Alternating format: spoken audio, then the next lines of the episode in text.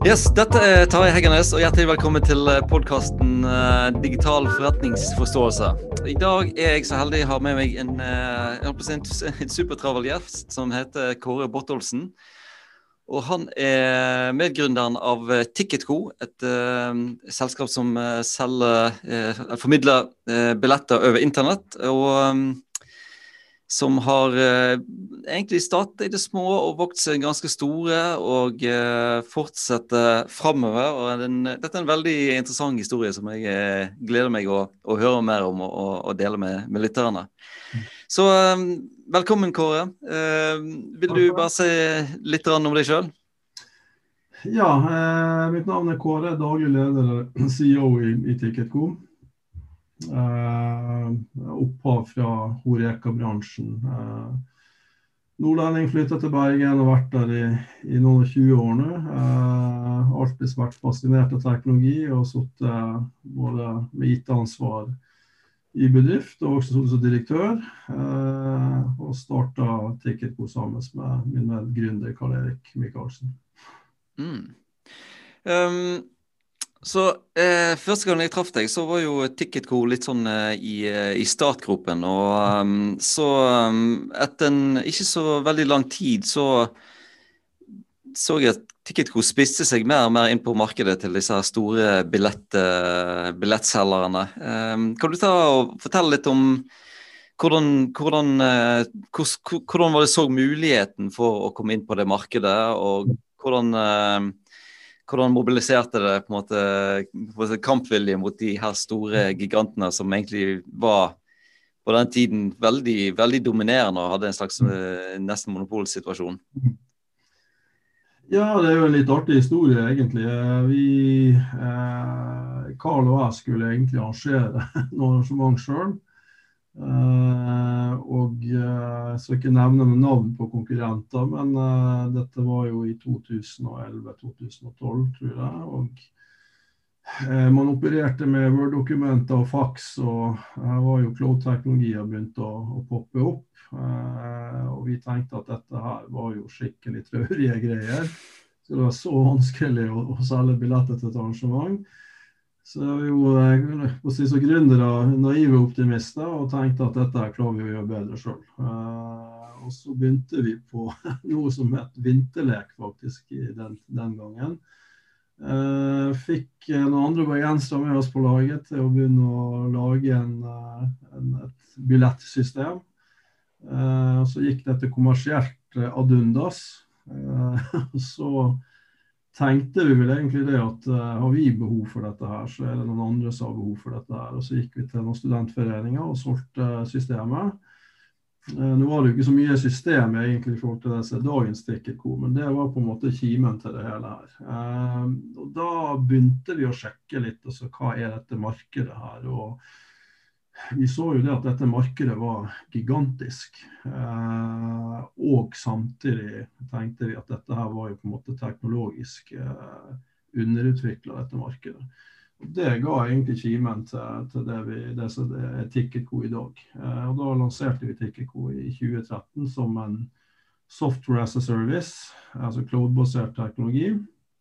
Eh, selvbetjent. Eh, og veldig kort tid etter det måtte løse billettsalg på nett, så kom jo et naturlig spørsmål hvordan er det du løser billettsalg i døra, for det er jo dørsalg òg. Mm. Og lagde vi også et uh, kall det kassasystem-app for uh, IOS og, og Android.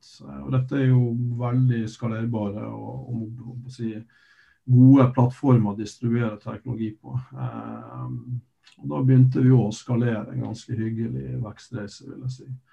Mm. Uh, så vi har jo uh, Vi fikk jo med også disse learning-gründerne uh, i selskapet ganske tidlig, og fikk for så vidt også gode råd fra de. og Et av de var jo det at vi måtte tråkke skosålene våre varm i Bergen, altså starte, starte lokalt. det syns vi var helt hårreisende, for det var jo globale muligheter.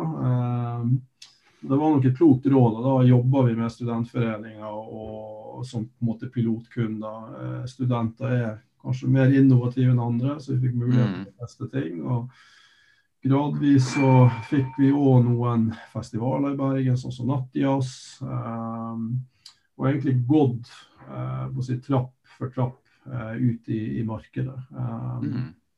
Uh, og, vårt vekst veldig bra. Vi har vel hatt over 40% vekst årlig over lang tid, altså siden 2012.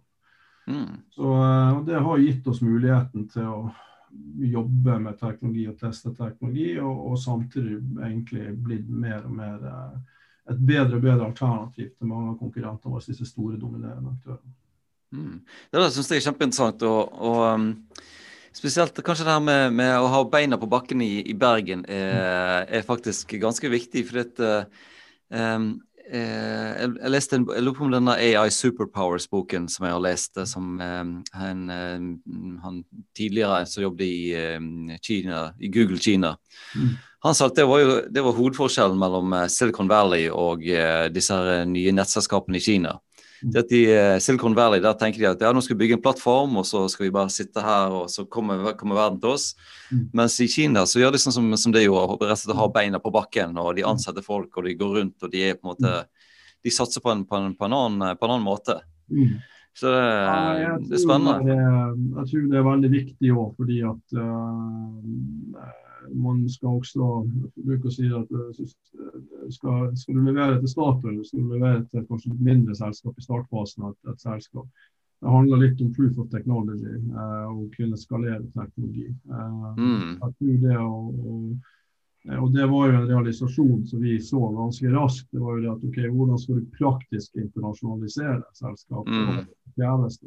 Det er det er en del ting som skal til. Uh, og Da er det smart å, begynne i riktig ende. Også. Uh, og Det gir også verdifull feedback, uh, som, er, som du sitter tett på, på kundene.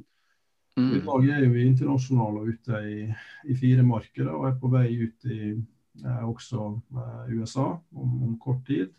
så man har jo gått fra Bergen til å starte lokalt, og så går man globalt. ikke sant? Ja. Det er litt av et, litt av et eventyr. Eh, ja, det er spennende reise. Mye læring.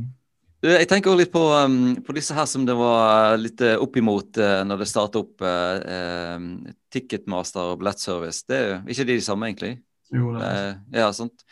Um, fordi at uh, Det som er litt sånn kjennetegn på, på sånne, sånne, bedrifter som Ticketco, det er jo at de som de er oppimot, de har allerede investert i masse fysisk utstyr og teknologi som de på en måte så Insentivene deres er jo på en måte å gå videre på den store investeringen som de har gjort på, på, på mm. utstyr og, og, sånne ting. Mm. Men uh, ofte så tenker jo disse nystarta bedriftene på en annen måte og ser mer fleksible løsninger. Det, det gjorde jo det òg, sant? Ja, eh, si, Problemene man skal løse, er jo de samme. Eh, mm. Men hvordan du løser det, er jo en helt annen diskusjon. Jeg tenker Det er jo den hvordan-biten altså kan man si, muligheten til innovasjon ligger. Og så er det klart at si, Den generelle teknologiutviklinga med cloud-teknologier og, og app-teknologi osv. Det gjør jo at du kan velge det ene er veldig skalerbare teknologiplattformer å, bygge teknologi på. Eh, men det er en annen fordel her òg, som nevnte til deg før vi starta podkasten, som, som, er begrepet som jeg kaller demokratisering av teknologi. Mm. Uh, og uh, det å bruke Det å bygge en infrastruktur som måte, disse konkurrentene har, det er utenkelig hvis du er en startup. Men med cloud-teknologi mm. så har du tilgang egentlig til unlimited scaling eh, og tilgang til kompleks teknologi. Eh, så når vi bygger Tikkeko-teknologi på toppen av cloud-teknologi og, og måtte mobile applikasjoner, eh, så gir det oss global distribusjon. Det gir oss også en unit cost eh, for, å, for å, å, selge produktet, som er noe helt annet enn, enn kanskje mange konkurrenter, eller disse store konkurrentene har. Og Det gjør òg at tilgjengeligheten til avansert teknologi eh, blir større. Og det igjen åpner nye kundegrupper. Så vi mm. diskuterte litt disse studentforeningene. De har jo behov, de også, men de er kanskje ikke et lukrativt target for, for disse store selskapene. Men fordi at vi en, får en annen unit-kost i, i, i teknologien, så, så, mm. åpner vi opp for nye, nye målgrupper.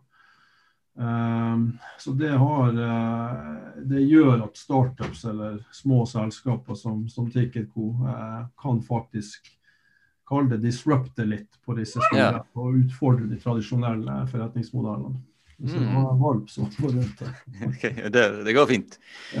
Um, ja, for Det, det, det syns jeg også er interessant, det som du sier. for det, Dette merket jeg jo når jeg, var i, eh, når jeg var i Kina for noen år siden. Vi kom inn på Kina et par, par ganger her. med hører jeg. ja. Det var jo et, eh, Vi har jo lenge diskutert det her med, med betalingsløsninger og mobile betalingsløsninger. og ja, Google vil ikke det, og Apple vil ikke la de få tilgang til det, og så, og så videre. Men det var i Kina så var det jo kun egentlig samme teknologi som, som Ticketco bruker. Da var det kun eh, kamera på telefonen, QR-kode og eh, tilkobling til internett. Mm. Den, den laveste eh, felles teknologien. Sant? Og det funker jo som, eh, som juling. Og de hopper jo de hopper jo rett ifra omtrent eh, kontantbetaling til mobilbetaling. Altså De fleste i Kina har aldri hatt et kredittkort. Mm. Sant? Så det er bare sånn å se denne muligheten. er jo bare det er et fysisk medium som er, er, brukes for å generere elektroniske transaksjoner. Så det er jo egentlig Ja, sant. Det er jo bare tull egentlig å bruke kredittkort sånn sett. Eh, Ja, det er sant, har jo, måte, i, I vår teknologi det er jo også interessant. Uh, altså vi, vi har jo, Når du selger billetter, så er det en, en e-commerce-transaksjon. Så skal du bruke en billett, altså en QR-kode, og skanne den. Mm. Det scenarioet det har vi brukt inn i andre kan man si, produktgreiene som vi har lansert. Så Vi har jo lansert eh, cashless-teknologi i vår plattform som festivaler har brukt. og er jo, Det er jo bygd på basis av egentlig det som du snakker om. det å bruke Ja. inter, altså interaksjon mellom mobil. Eh, de står i baren og skanner QR-koder. Eh, QR-koden har en saldo. Grave ned i det, men, men det bare viser hvordan du kan si, bruke den type teknologi for å, å generere transaksjoner. Vi Mm. har gjort en del ting rundt det. det er, vi eh, har jo Brann som kunde og håndtere eh, ja, si, plattformen totalt millionvis av transaksjoner i året basert på disse QE-kodene. Eh, Mm. Teknologien er universelt tilgjengelig, men, men i, i, i Kina så er det mye mye lenger fremme på veldig mange ting enn i Mm. resten. Altså. Så eh, jeg tenker jo at eh, Ticketco er jo en eh, typisk plattform. Sant? For det, det bringer jo sammen eh, folk som vil eh, arrangere arrangement, og, og, eh, og så knytter det sammen de med billettkjøpere og sånne ting. Og um, nå er det jo eh, kommet langt og har, har Brann og alt mulig som kunde, men den største utfordringen for sånne plattformbedrifter eh, er jo å få nok eh, folk inn på, altså få nok aktører inn på plattformen. Mm. Så kan, kan du si litt om det? Hvordan har du på en måte klart å, å, å I tillegg til å ha en plattform som fungerer, hvordan har du på en måte, hva valg har du tatt for å få liksom inn mest mulig folk, sånn at, sånn at du på en måte bikker der at det blir eh, lønnsomt og, og ja. Ja, jeg tror generelt med teknologiinvesteringer så må, man, så må, så må det gjøres mye investering i start for å, å få større uptick i revenue frem i tid. Mm. Du får ikke den umiddelbare respons nødvendigvis som, som kanskje man har i andre typer forretningssammenhenger. Så, så IT er, er, er kapitalintensivt i starten, det er det ene. Mm. Men, men i forhold til å få opp kritisk masse i, i systemet, så har jo vi eh, vi har inngått partnerskap f.eks. Altså Media, som Norges største mediebedrift, er én eh, aksjonær hos oss. Mm. Eh, Norges største lokalavisplattform. De eh, jobber for Ticketco i det norske markedet. Genererte mye business for oss. Mm. Det å finne partnere eh, tror jeg er superviktig. Eh, jeg vil i hvert fall si til andre gründere at en av de kanskje viktigste tingene du kan gjøre i forhold til den kommersielle delen av det du holder på med, er å se på verdikjeden rundt kunden din. Altså hva er verdikjeden rundt arrangøren, og se om det er andre aktører i den verdikjeden du kan samarbeide med for å, å generere. Mm.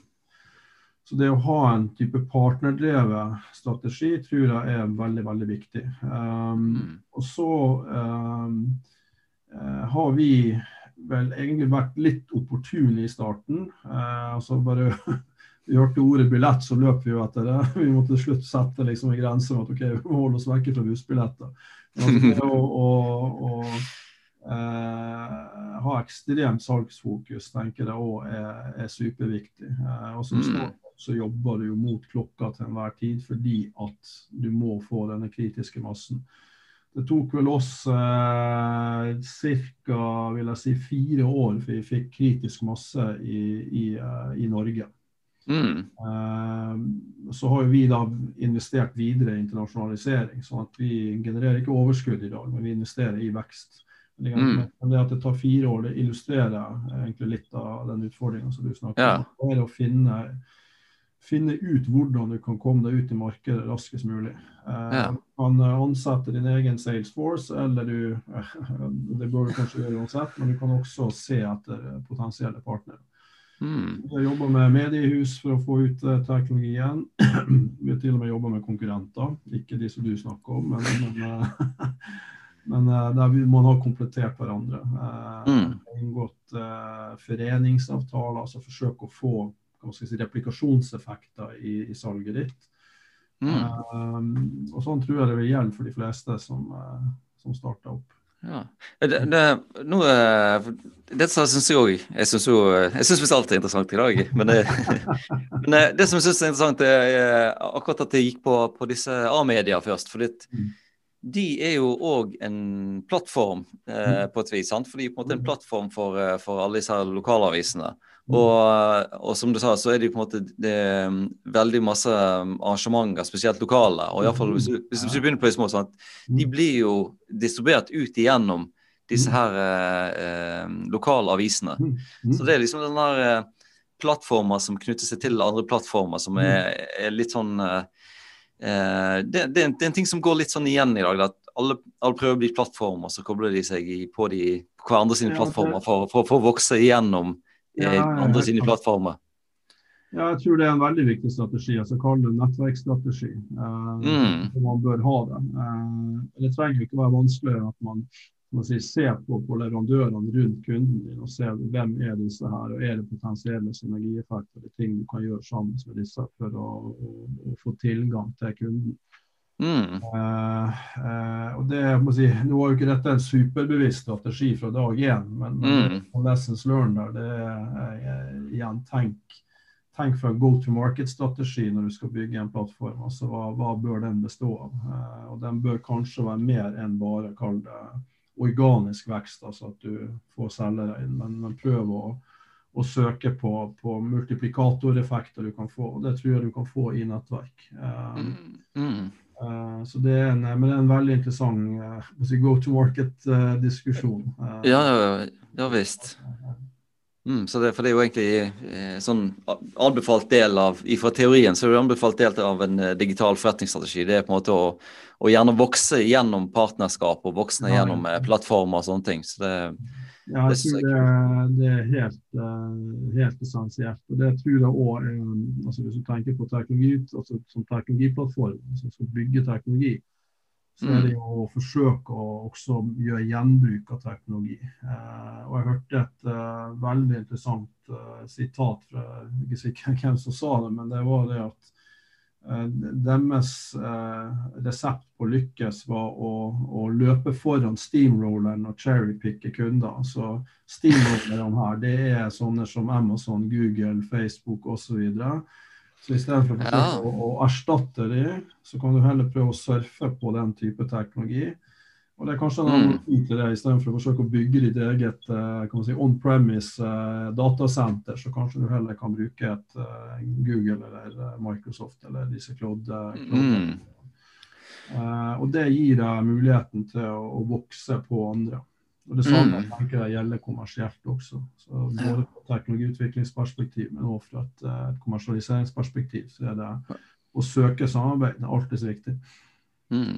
Det er en, eh, det er jo et av kjennetegnene på, på hvorfor det er så spennende å starte opp med ting eh, i dag. For det, det fins så mange byggeklosser tilgjengelig. Som du sier, sant? oss Amazon eller oss Google, og det fins kodebiter, og det fins mye byggeklosser du kan sette deg sammen til på en måte å, å løse det unike problemet som, som du har løsningen på. Mm, mm. Så det, det Ja, det er kult. Jeg, jeg lurer på om det Har du eh, Er det en ting som du har erfart som du anbefaler folk ikke å gjøre når de starter opp? ja, ja, man gjør masse feil når man gjør startup. Jeg tror eh, eh, Altså, vi, vi har jo vært ekstremt kommersielt fokusert, altså salgsfokusert. Det jo litt sånn påtvunget prosess gjennom vår startup-historie, og det har vært veldig sunt. Men, men eh, sånn generelle rådet som vi til, til andre aspirerende gründere, det er ha veldig mye fokus på salg. Det er faktisk òg via salg at du får feedback fra kundene som du skal bruke mm. teknologi. Si, hvis jeg ser på Ticketco i 2012 versus i dag, så er det jo mm. på en måte si, 5-10 av teknologien som, som, vi modellerte da, de andre 95 i dag, det er jo på en måte resultat av det her kundedialogen du har hatt. Så det å mm. være bevisst på både salg, men også salg for å få input i teknologiutvikling, eh, jeg tror det er ekstremt viktig. Mm. Eh, og så er det eh, å forsøke å, å bruke byggeklosser istedenfor å forsøke å bygge alt sjøl. Fordi at eh, det blir, skal det bli en plattform, så blir det så krevende å gjøre det. Eh, at det, mm. det, det gjør at du, du, rett og slett vil, vil nesten være garantert å mislykkes. Mm. Det er liksom å tenke hvordan kan du løse problemet til kunden eh, raskest mulig på mest mulig effektiv måte. Mm. Altså Hvis du skal lage teknologien. Og Da, det, da vil du bruke byggeklosser i størst mulig grad. Eh, ja. Bra. Ja, eh, vi snakket eh, Vi har jo snakket så vidt om at 2020 eh, var litt av et år. Og for, spesielt for noen som har faktisk kulturbransjen som, som hovedkunde, så har du jo sikkert merka det. Og nå Vi har jo snakket litt om det her før, før sending, så nå gleder jeg, jeg gleder meg litt til å høre faktisk hvordan det tok fatt i den utfordringen som det var med nedstengingen etter, i mm. forbindelse med covid-19? Mm. Ja, det var eh, Vi ble jo truffet knallhardt av det. Eh, altså vår Arrangørens suksess er jo vår suksess i og med at vi er en eh, plattform som formidler salg på vegne av arrangør. Så når salget stopper hos arrangør, så stopper jo inntektene hos oss. Eh, mm. Det gikk jo ikke så lang tid før vi hadde en inntektsnedgang på type 90 uh, og Det er jo dramatisk for enhver bedrift. Uh, I tillegg så skulle vi ha en kraftig vekst. Vi har jo store ordrereserver på, på det, de aktivitetene vi har gjort for 2019 i tillegg. Så, så det traff oss knallhardt. Uh, men jeg tenker jo som fundamentalt for vår del, altså hvorfor eksisterer Ticketco? Vi eksisterer jo for å gjøre det lettere for arrangøren å selge. Og så inntreffer en sånn situasjon. Så, så, det vi ganske raskt begynte å tenke på eh, Jeg har brukt begrepet kulturell kapital. altså eh, Arrangørindustrien sitter på en enorm kulturell kapital. altså Både kreativitet og kunnskap. og formidling av historier osv. Om det er artister eller om det er teater, eller, det spiller ikke så stor rolle. Men, men denne kulturelle kapitalen den, jo, eh, si, den, blir jo ikke konvertert til finansiell kapital. altså mm.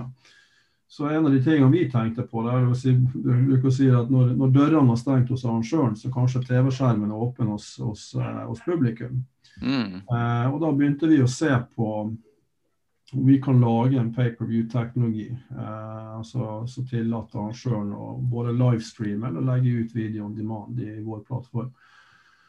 Um, eh, og Det var jo masse føss i begynnelsen med Facebook og forskjellige ting. og Det ble vippsa til høyre og venstre osv. Men det er, ikke, det er ikke kommersielle produkter. Det er ikke måte, liv laga for å, å konvertere til finansiell kapital. Men vi satte i mm. gang med dette her. Eh, det var ganske eh, bruk ordet ballsy beslutning å gjøre. Mm. Eh, fikk støtte fra aksjonærene i selskapet og styret til å, å, se om dette kunne være en ny type inntektskilde. Og det har det blitt. Vi har hatt en enorm vekst i det produktet. Altså I dag er dette rebrandet til Ticket Comedia Services. så mm. Ticket i dag er kanskje like mye medieteknologi som man på en måte er salgsteknologi. Um, og uh, vi har hatt veldig traction i dette, um, spesielt i utlandet. Uh, vi har kunder som venter på at vi lanserer i USA f.eks. med dette produktet. Uh, så vi er jo gått fra 90 nedgang til å retaine en stor del av inntekten. Så holdt, fått tilbake igjen en stor del av inntekten samtidig som vi vokser kraftig. Mm. Um, og det er egentlig en uh, kall det liten sånn reinvent av selskapet, pivot i selskapet. Um, Mm. uh, og uh, vi mener at det nå er si, en, en mulighet til å faktisk skalere teknologien vår ytterligere ut. Så jeg tror i løpet av denne uka her så har vi et amerikansk selskap på beina og å, vi har begynt å brøyte vei for market entry inn i USA. Mm. Eh, og for så vidt også videre inn i, i eurosona. Um, vi har fått kunder som Royal Albert Hall f.eks., som jo er verdens fjerde beste konsertvenue, så vidt jeg har sett. Mm. Eh, Du, har ikke langt igjen, du har ikke langt igjen til Royal Albert Hall for Ticketco, sånn som det var for Åge Aleksandersen. ja, nei, det, det, er, det er fordi vi, vi har laga en teknologi som, som eh, mange av kundene våre sier er veldig markedsledende. Eh, Mm. Og det, i det, dette i utlandet. Men, men kan, jeg, kan jeg spørre litt om men, eh, Hva betyr det sånn, sånn rent praktisk på Royal Albert Hall? Betyr det at eh, Tar de eh, eh, Jeg prøver å, å forstå liksom hva det er. Tar de, tar de på en måte kamerafeeden sin og sender til inn til Ticketco, og så eh, er det da blir den kamerastrømmen åpna for de som har løst billett, rett og slett? Ja, det er jo en pay-per-view-teknologi. Altså, så vi er jo Mm. fremdeles, mm. altså Vår visjon er jo å, å måtte etablere en global standard for arrangementsbetalinger. Mm. Uh, Så i, i vår teknologi i dag så, så sender man enten inn videoinnhold, altså kall det en livestream, inn til oss, og vi kan videredistribuere dette ut til publikum. Ta Mm. Vi snakker om å skanne billetter. Vel, det er gjenbruk av den logikken når du skal få tilgang til innholdet via TV-en din. Eh, Vi har TV-apper som er laga for å gjøre det veldig lett for publikum å, å få tilgang til innholdet. Sånn at eh, vi leverer på en måte, vi måtte blitt en, en kombinasjon av en e-commerce-teknologi og en medieteknologi. Og Dette har vært Mm. veldig mye oppmerksomhet, eh, også hos eh, Amazon Web Services. Eh, og dette er jo på en måte de teknologiene som vi bruker her. Det går tilbake til dette med demokratisering av teknologien. For en del av disse teknologiene som vi bruker, det er teknologier som normalt kun store medieaktører bruker. Som, uh, og veldig veldig store arrangører arrangører, type Bundesliga, NFL osv. Så, så vi har, eh, og vi snakker byggeklosser, vi har produktifisert og gjort enkelt å bruke denne type teknologi, som gjør at uh, teatre og arrangører, altså mindre arrangører, eh, men også for så vidt Royal Laboratory får tilgang til den avanserte medieteknologien her. Mm. så Mm. håndterer vi pakketering og distribusjon og eh, tar betaling. Um, eh, og dette er på en måte et, et nytt emerging market som er i ferd med å oppstå. Eh, katalysten for det har vært covid. Eh, det er ekstremt interessant da, for vi ser det at eh, altså det er arrangører som, som sitter på veldig unikt innhold, men som kanskje har global eh, på si global potensial. Men, det ikke, men publikum kan ikke nødvendigvis reise til, til, til arrangør for å se dette fysisk, men interessen allikevel kan være global. Og Det å Mm. digitalisere innholdet ditt da, og kunne distribuere det ut eh, globalt, eh, har en enorm verdi. Eh, kommersiell verdi for, for disse arrangørene. Samtidig Mm. så tror jeg ikke at dette kan erstatte det fysiske. Men jeg tror det at altså det man ser som konsekvens av covid nå, det er det at som vi sitter i disse videomøtene dagen lang, det er det at det, en, det, det, vil bli en permanent endring. Eh, Mm. diskutert med, med arrangører. Vi ser at avanserte teknologier som tidligere var forbeholdt de få, blir tilgjengelig for de mange. Og vi ser at kamerateknologier blir billigere. Eh, altså du, kan jo, du kan jo lage videoopptak i HD med mobilen din. Mm.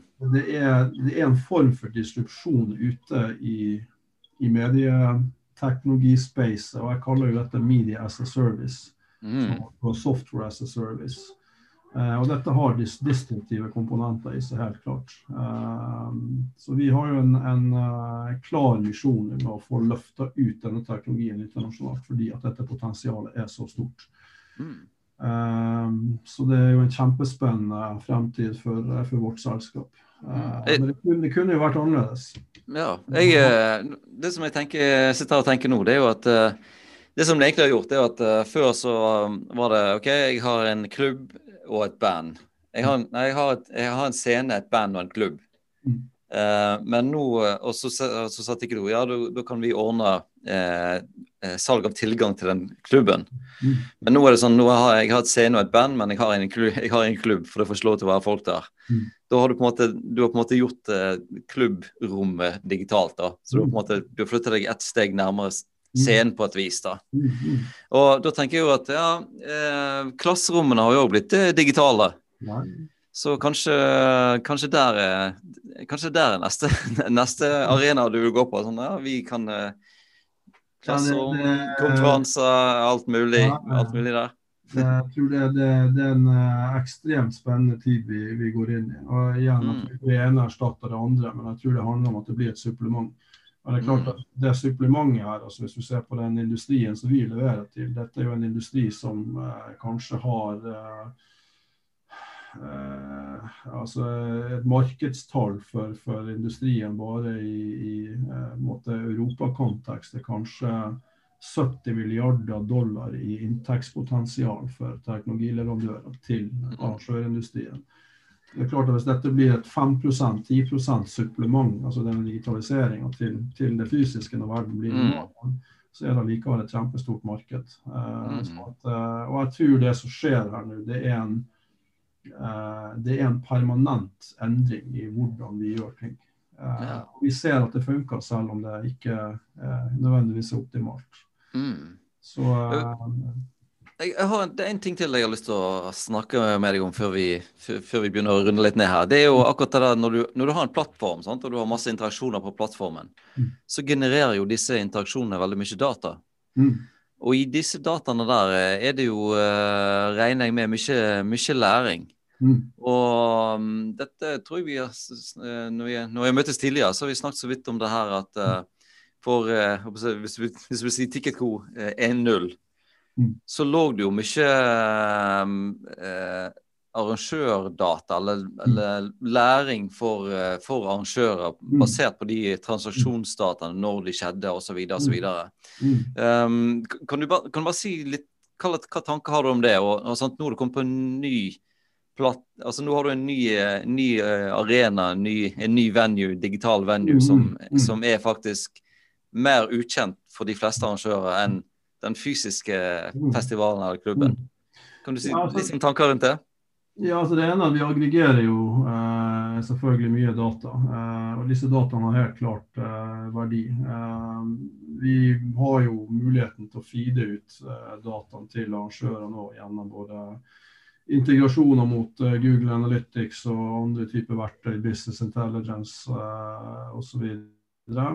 Men det vi, vi også, jeg tror er eh, måtte den aggregerte innsikten som vi får. Vi har faktisk nå pågående initiativer med å, å, konvertere den innsikten for å lære opp arrangørene. Eh, si, dette er jo ganske nytt område, så dette med digitalisering. Vi har pågående prosjekt med norsk publikumsutvikling i Norge i forhold til, til dette her. Veldig spennende. Så, så, litt av det vi forsøker å gjøre nå, er å generere innsikter både på de dataene vi sitter på, eh, og på en måte ta en kan si, thought leader-rolle. Fordi at dette, mm. så Vi opplever at kunder nå er veldig søkende etter å, å forstå mer. Mm. Uh, si, hvordan lykkes med en livestream? Uh, si, hva, hva, hvem er kundene? Vi vet at uh, f.eks.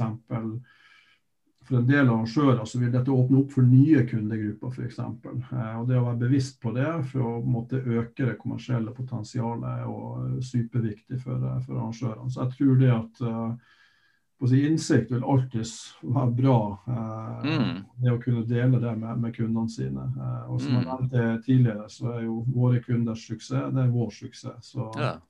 vi har jo en felles interesse med det av å bli ja. artigere å lære med. Mm. Eh, men eh, er det sånn er det, er, det, kommersielt potensial i dataene, eller er det egentlig mer sånn for, for å Kan den kunnskapen eh, selges som eget produkt, eller er det, er det, tenker du mer for en sånn verdiøkning for de kundene som kjøper hoved... Jeg tenker nok mer som en, en verdiøkning.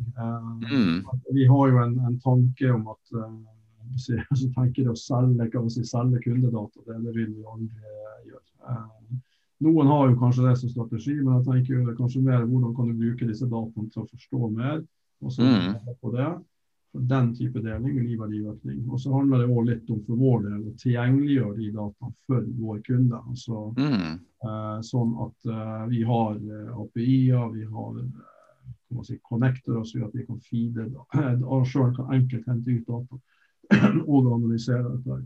Mm. Vi har jo med norsk toppfotball f.eks. Vi har jo fotballklubber i Norge som kunde. og Der har vi et eh, ja, vi har et Business Intelligence-prosjekt hvor eh, vi feeder ut uh, ligadataen til, til NTF, sånn at de kan analysere og se etter salgsmønstre og få innsikt i, i dataene sine. Mm. Så, men vi er nok ikke der på at vi vil pakkettere data. Det, det er ikke helt vår greie, for å si det sånn. Nei, nei da, eh, men eh, det er jo sånn, jeg tenker sånn aggregerte data for, for alle de hundrevis av festivalene i Norge, så kan vi lære et eller annet her. Men eh, altså, det er mange måter å skape verdi på, men det, det, det, at, det at det gir merverdi Mm. for arrangørene, det er jo òg en måte å, å, å på en måte utnytte den verdien. og på en måte å hvis, du, hvis, du jobber, hvis du jobber smart og godt med, med den eh, formidlingen av de dataene, så blir du jo Mm. eh, mer eh, Så vil du være konkurransedyktig mot andre som Ja, altså kanskje data- ikke gjør det samme. Ja. Altså Data har, har kjempestor verdi. og det er jo måtte tenke måte, jeg tenker jo også Hvis du skal utvikle teknologi, så må du jo skaffe innsikt. Uh, og Innsikt er jo enten, det er jo både kvalitativ og kvantitativ innsikt. og Mm. Dataen her vil jo gi deg kvantitativ innsikt, uh, som er, er superviktig for å, å, å forstå hva man skal fokusere på. Mm. Så, og Det er jo en utfordring uh, egentlig i enhver sammenheng å bruke Ja. data for å, å bli bedre. Vet du hva, Kåre, dette var utrolig interessant. Og eh, vi kunne, vi, vi kunne sikkert ha, vi kunne sikkert ha snakka i timevis, det er jeg sikker på.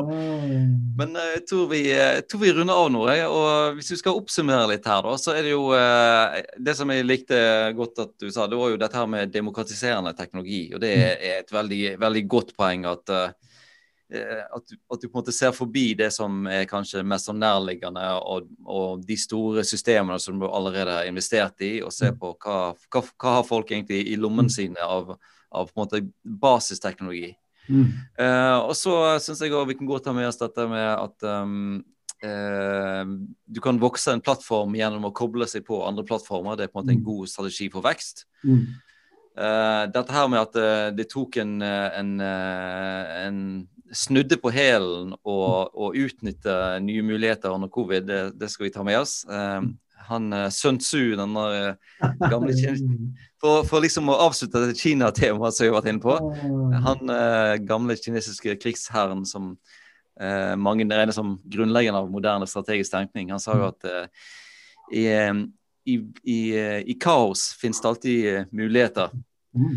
Det, det, har jo, det har jo det bevist nå. Eh, også, Ja, det, ja, også at dette med data er viktig, Mm. eh, er òg eh, en ting som, eh, Mm. som, vi, som vi tar med oss. Mm. Har du, har du en avs, avsluttende kommentar?